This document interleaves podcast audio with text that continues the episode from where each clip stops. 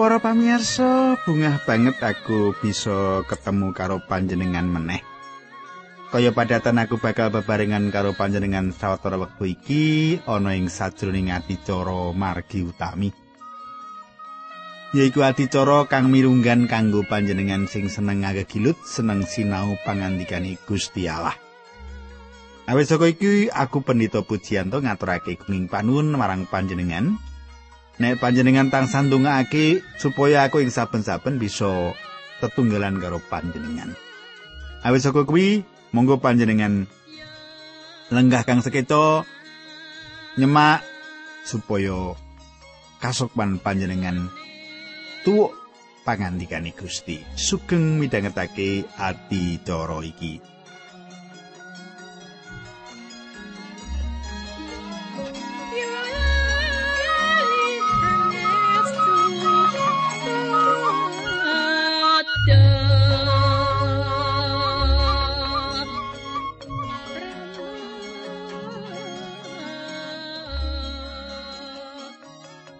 Kadangku mesti panjenengan isi kelingan apa sing diaturake marang panjenengan ana ing patemon kepungkur. Tak bareni sedhithik supaya bisa ngilingake panjenengan. Kita wis nyemak yen Gusti Allah ngersakake supaya katresnan kang diparingake ditanggapi kanthi pambangun turut. Katresnan kang diparingake supaya ditanggapi kanthi pembangun turut. Banjur kepiye saterusé dina iki bakal kita terusake nanging saiki kita ndedonga dhisik. Kanjeng Rama ing swarga kawula ngaturaken gunging panuwun menawi wekdal menika kawula saged tetunggilan kalian sederek-sederek kawula. Kawula nyuwun Gusti mitulungi kawula nuntuni kawula supados menapa ingkang abdi paduka aturaken menika saestu dados berkah lan kegiatan kangge sederek ingkang mirengaken.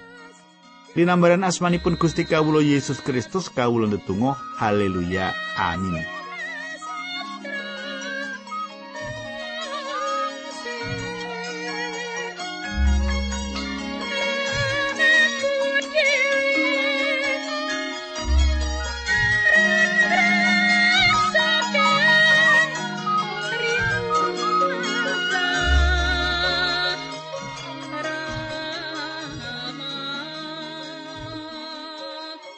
Kadangku kang ndak tresnan.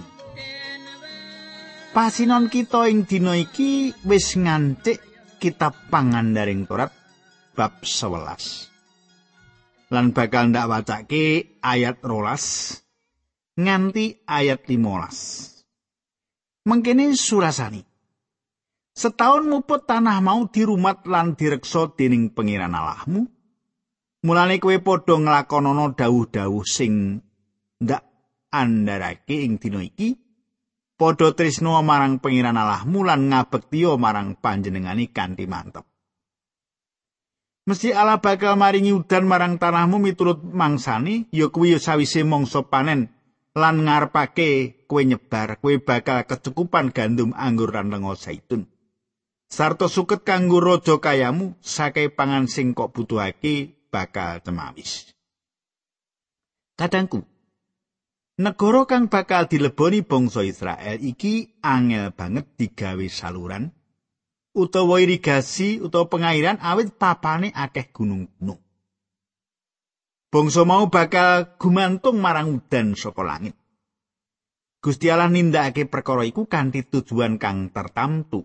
Gusti Allah mapanake umat kagungane ana ing sawijining papan ing ngendi umat kagungane kudu sumende marang Allah kanggo nampa tibane udan. Perkara iki bakal nyerakake bangsa iki luwih cerak marang Gusti Allah. Gusti Allah ngendika marang umat kagungane yen umat kagungane bakal sumindi marang banyu udan. Menawa umat kagungane iku mbangun turut marang Gusti Allah, mula panjenengane bakal berkahi umat mau kanthi udan kang sadurunge lan udan sak banjuri, yaiku ing mangsa gugur lan mangsa semen. Kanthi ndeleng menyang tanah iku, panjenengan bisa nyemak kahanan kasukman rohani saka penduduki.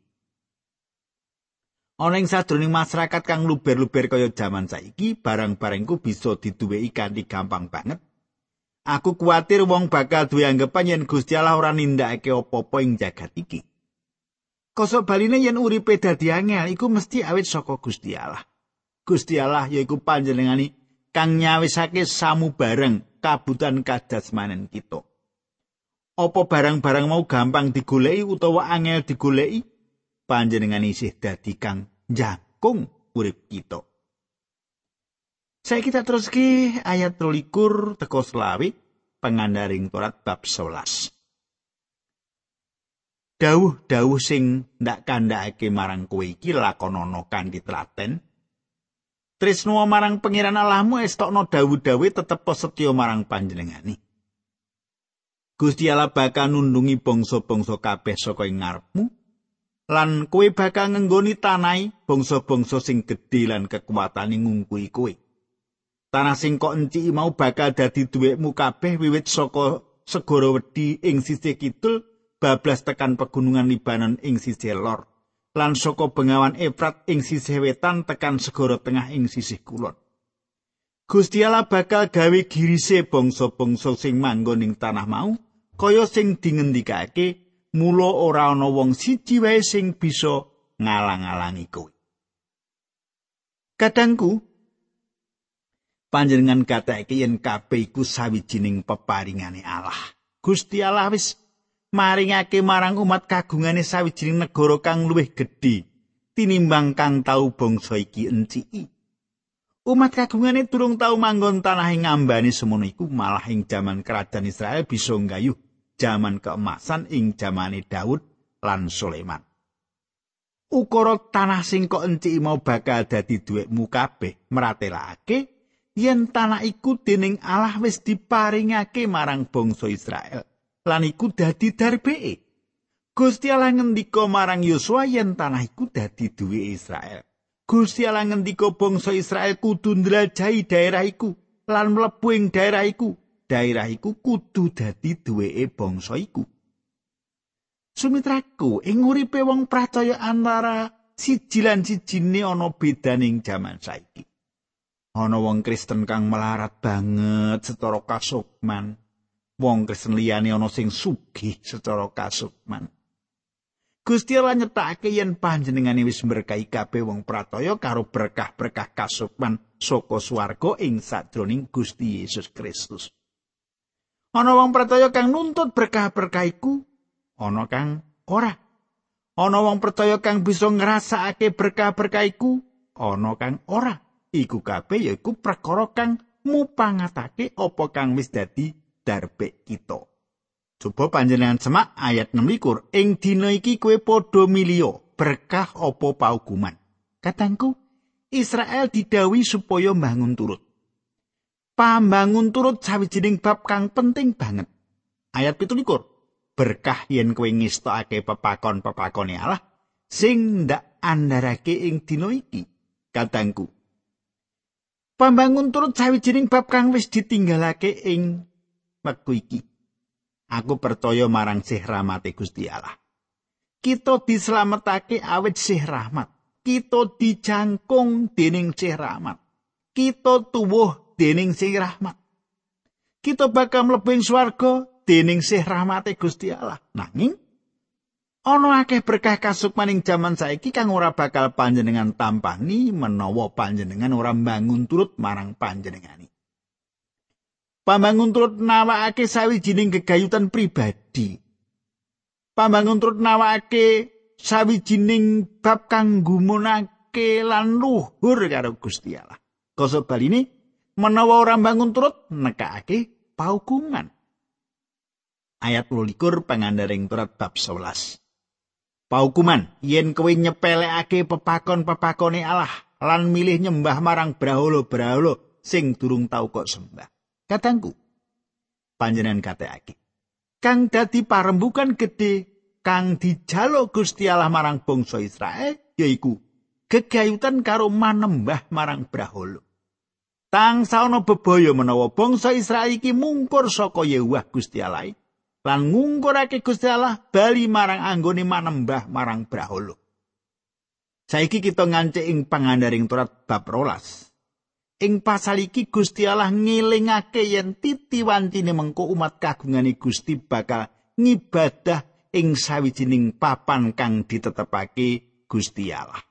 Jaman saiki wong percaya ora ketemu ing sawijining papan sak perlu ngibadah marang Gusti Allah. Kita tetunggalan karo sawijining pribadi lan pribadiku Gusti Yesus Kristus. Iki sawijining bab kang penting kang kudu dieling-eling.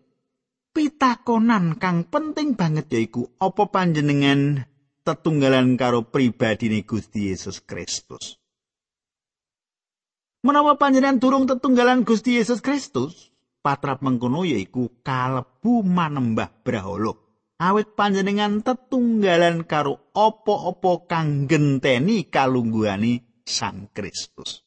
Sedaya Nek panjenengan saiki ora tetunggalan karo Gusti Yesus Kristus, panjenengan sejatine lagi manembah marang Braholo.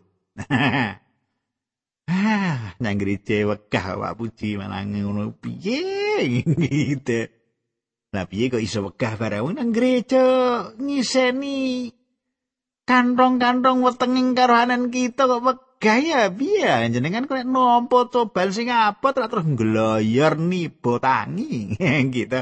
Margo batin manah panjenengan ora dikuatake pangandikane Gusti. Nah saiki nyandak pangandaring Torat bab rolas tak wacake ayat siji loro telu teko papat. Nganggo basa pedinan yo Iki dawuh-dawuh sing kudu kok estokake sakjeke uripmu ing tanah sing diparingake dening pangeran ya Allah sesembahane para luhurmu marang kowe dawuh-dawuh iki rasa-rasakno yen kowe padha mlebu ing tanah mau kowe kudu gempur papan-papan pamujan sing dinggo memuja brahala dening bangsa-bangsa ing kono. Ya kowe ing gunung-gunung sing dhuwur ing puntuk-puntuk lan ing sak ngisoring wit-witan sing ayo mesbeh-mesbeh gempuren lan tugu-tugune watu sing dianggep keramat kuwi rubuhno. Lambang-lambangi Dewi Asira obongen lan retortone remuken supaya barang-barang mau ora kena disembah-sembah meneh ing papan kuno. Yen kowe ngibadah marang pangeran Allahmu aja kaya carane wong padha nyembah marang Brahala. Kadangku kang ndak tresnani kang dadi jalaran pengadilane Allah nempuh bangsa Israel terus-terusan ing jaman para hakim. Ya kuwi awit umat Israel ngungkurake Gusti Allah manembah marang Brahala. Kang dadi sebab kenapa bangsa Israel nglakoni dibuang menyang Babel yaiku anggone manembah marang Brahala. Pemut pungkasan kang ana ing perjanjian lawas yaiku gegayutan karo bebaya marang manembah Brahala. Kita aja nganti duwe anggapan yen kita iki wis ora masah marang manembah Brahala ing jaman saiki. Kita aja nganti duwe anggapan yen kita iki wis ora masah marang manembah brahala ing jaman saiki. Kita gampang duwe pikiran yen kita iki umat kang banget dipadangi dening Sang Roh Allah kanthi mengkono kita ora bakal tiba lan manembah brahala. Apa kita rumangsa yakin banget kegayutan karo perkara iki? Apa wae kang nekani jiwa kita lan bakal dadi sawijining reca brahala? Apa wae kang nekani jiwa kita bakal dadi sawijining reca brahala pegawean. Kalungguhan kabeh mau bisa dadi brahala kanggo kita dadi Allah kanggone kita. Apa wae kang malangi antarane jiwa lan Gusti Allah panjenengan? Yaiku brahala panjenengan. Kekayutan panjenengan karo Gusti Allah piye? Nggih ha muga-muga panjenengan Tenan-tenan resnani Gusti Allah ya ora gampang mutung. Nah, saya kita terus ke ayat 5. Ing salah sijine wilayah talar-talar Israel, Allah bakal milih panggonan pangibadah siji kanggo bangsa Israel kabeh, ya kuwi panggonane bangsa Israel sujud manembahing negarane. Panjenengan kata. Israel kudu ngibadah ing sak panggonan baik. Mung ana sak panggonan kanggo korban obarat. Korban-korban sak pro sepuluhan lan papan kanggo kaul. Pro sepuluhan pangan kang dipisungsungake ngarsane Gusti kudu dipangan ing sawijining papan. Ayat 15 lan 16 pangandaring turat bab rolas. Nanging yen arep nyembelih kewanmu lan mangan daginge, bebas ana ing ngendi wae ing papan padununganmu kena. Kowe kena mangan sepiro sing diparingake dening Allah marang kowe, kowe kabeh sing miturut prenataning agama resik apa ora, kena mangan daging mau padha kaya yen kowe mangan daging kidang utawa menjangan. Nanging getihe kewan aja pisan-pisan kok pangan, kudu kok siramake ing lemah kaya banyu. Kadangku bab panganan kang dipangan ana panganan kang dipangan ana ngomah. Bab panganan kang dipangan ana panganan kang dipangan ana ngomah. Iki dudu perangan saka anggone ibadah nanging iki uga diatur dening angger-angger gegayutan apa kang oleh dipangan utawa kang ora. Ana ing pasal 14 kita nemokake daftar kang ngemot kewan kang halal utawa kang karam. Wong bisa wae mangan kewan alasan asal kewan kuwi kalebu halal. Perjanjian ne yaiku getih ora kena dipangan. Koso baline apa wae kang dadi pisungsung marang Gusti kudu dipangan ing ngarsane Gusti ing sawijining papan kang wis ditetepake. Kadangku saiki ayat selikur, yo. Ayat selikur, rolikur, telulikur, patlikur nganti selawi. tak wacane alon-alon. Yen panggonan ngibadah sing dipilih dening Allah mau kadohan saka omahmu, kowe kena nyembelih sapi utawa wedhusmu ing sak wektu-wektu lan daginge kena kok pangan ana ing omahmu kaya sing dikandhakake marang kowe. Saben wong dadi sing resik utawa sing ora resik miturut pernataning agama kena mangan daging mau padha kaya yen kowe mangan daging menjangan utawa kidang. Mung daging sing isih ana getih aja kok pangan. Mergo nyawa kuwi nggone ana ing getih Mulane kowe ora kena mangan nyawa bareng karo daginge. Kowe aja pisan-pisan mangan getih. Siramno wae kaya banyu ana ing lemah. Gusti Allah bakarno penggalihe yen kowe padha nglakoni pernatan kuwi, kowe lan anak turunmu bakal padha slamet. Katangku ing kitab Kaimaman pitulas. Sawetara wong Israel ana ing tenda ing Ngororo Samun.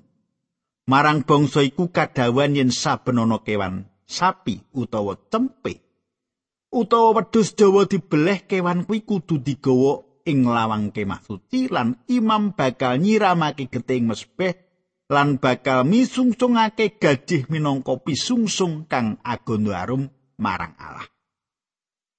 Patrap mangkene iki duwe sedya supaya bangsa Israel ora misungsungake korban apa wae marang setan-setan.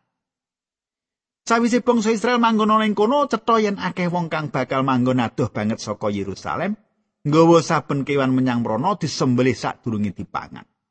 Dadi Gusti ngendika sepisan maneh marang bangsa Israel yen kewan siji bisa dibeleh lan dipangan, nanging bangsa mau ora dikeparengake ngombe geteh kewan mau. Geteh nggambarake nyawa kang dadi jalaran kena apa kitab suci banget ngutamakake marang rai Gusti Yesus Kristus. Saiki ayat 29 telung puluh telung puluh siji. Yen kue perang rebut negara, Gusti Allah bakal numpes bangsa-bangsa sing padha manggon ing kono nganti kowe bisa manggon ing kono. Sawise bangsa-bangsa mau ditumpes dening Allah, uripmu kudu padha sing ati-ati. Kowe aja pisan-pisan kepengin ngerti carane bangsa-bangsa mau nyembah brahalane, perlu harap kok tiru, aja. Patrap sing kaya mengkono mau pungkasane nuntun marang pati. Carane nyembah brala kuwi aja pisan-pisan kok tiru kanggo nyembah marang Allahmu, mergo nggone manembah kuwi dikanteni pegawe rusuh sing disengiti dening Allah. Malah anak-anake padha diobong ing mespeh digawe kurban marang berhala-berhalane. Katanggu kang dak tresnani. Marang bangsa Israel kadhawuhan makaping-kaping yen bangsa Israel kudu nyirnakake bangsa-bangsa kang ana ing kono supaya bangsa mau ora dadi kala jiret tumrap bangsa Israel. Bangsa-bangsa mau bangsa kang manembah marang Brahala, ana ing sajroning manembah marang Baal, bangsa-bangsa mau anggone nindakake ibadah bener-bener kejem yaiku kanthi ngorbanake anake dhewe. Bangsa mau bakal manasake sawijining reca nganti reca mau dadi kaya mawa mangangah banjur bayi bakal diuncalake ing pangkone brahala kang wis dadi kaya mawa mau. Gusti Allah ngendika yen panjenengane sengit marang pangibadah kang kaya mengkono kuwi. Aku duwe pangarep-arep yen aku bisa sinau luwih akeh kanggo sengit marang patrap kang dadi sesengitane Gusti Allah lan tresnani apa kang ditresnani Gusti Allah. Panjenengan kepiye apa arep sinau kaya aku? Yo sinau apa kang disengiti Gusti Allah? Sinau apa kang ditresnani Gusti Allah? Sing disengiti melu nyengiti. Ngono ya tuwindak dosa. Nyenengi bojone liyan main dadu ngono kuwi. Gusti Allah sengit. Lah panjenengan melu sengit ngono ya. Saiki ayat 32 pangandaring bab 12. Padha nglakonana saking dawuh sing wis ndak andharake marang kowe aja kok tambahi utawa kok longi. Katangku bangsa Israel iki kudu ngatekake marang dawuh-dawuh kang diparingake Gusti marang bangsa iki. Manawa bangsa Israel iki ora bangun turut marang Gusti Allah, mula Gusti Allah bakal matrapi kaya kang panjenengani tindakake marang bangsa-bangsa liya. Gusti Allah ora mirsani patrape sawetara wong lan wong liya ora pati dipersani.